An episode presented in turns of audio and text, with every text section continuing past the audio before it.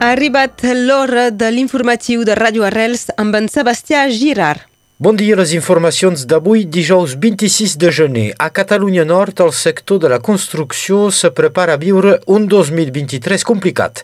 La pujada del preu de les matèries primeres i sobretot la disminució de les previsions de comandes inquieten els professionals del batiment.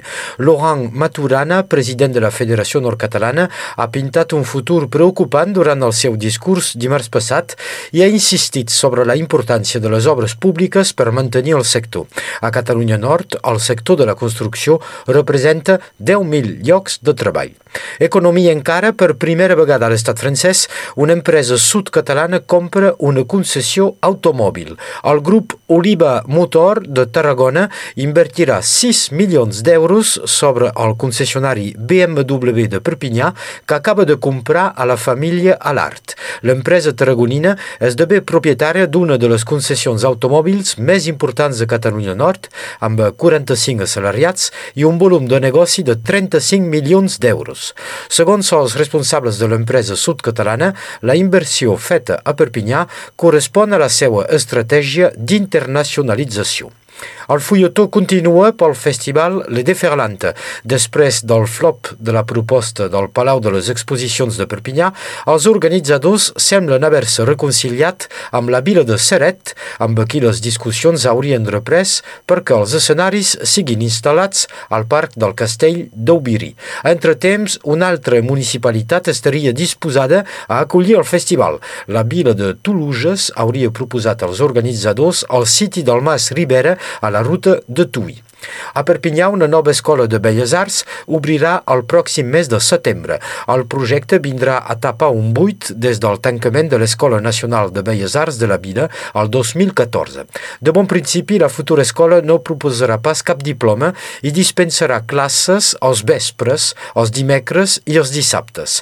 Vuit disciplines seran ensenyades, el dibuix, la pintura, però també la fotografia, l'història de l'art i les arts urbanes. A Catalunya Sud, 45 policies nacionals seran jutjats per les càrregues del referèndum de l'1 d'octubre.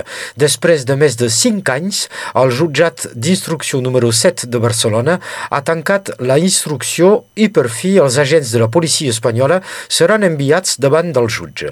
Se'ls persegueix per delictes de lesions i fins i tot de tortures pels quals arrisquen penes de 2 a 4 anys de presó.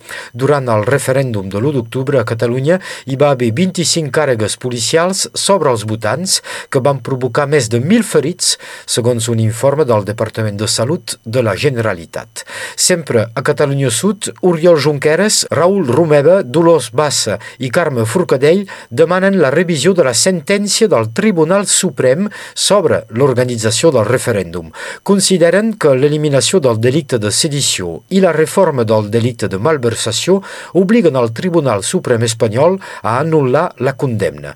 Segons els advocats Andreu Van den Eyden i Olga Arderiu, tot i que la Fiscalia intentarà mantenir les penes, els jutges no escriuen les lleis i només poden aplicar la normativa interpretada segons el legislador. Per això recorreran qualsevol revisió del Suprem que no inclogui l'absolució total dels seus clients.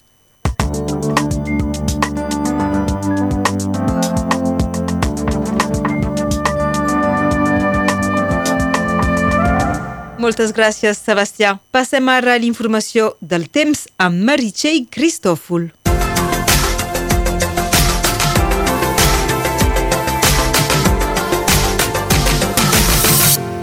Dia. La tramuntana és ben present avui i si comparem amb ahir, aquesta hauria de bufar encara més fort. Se cal esperar a ràfegues màximes de 65 km per hora a la vora del mar.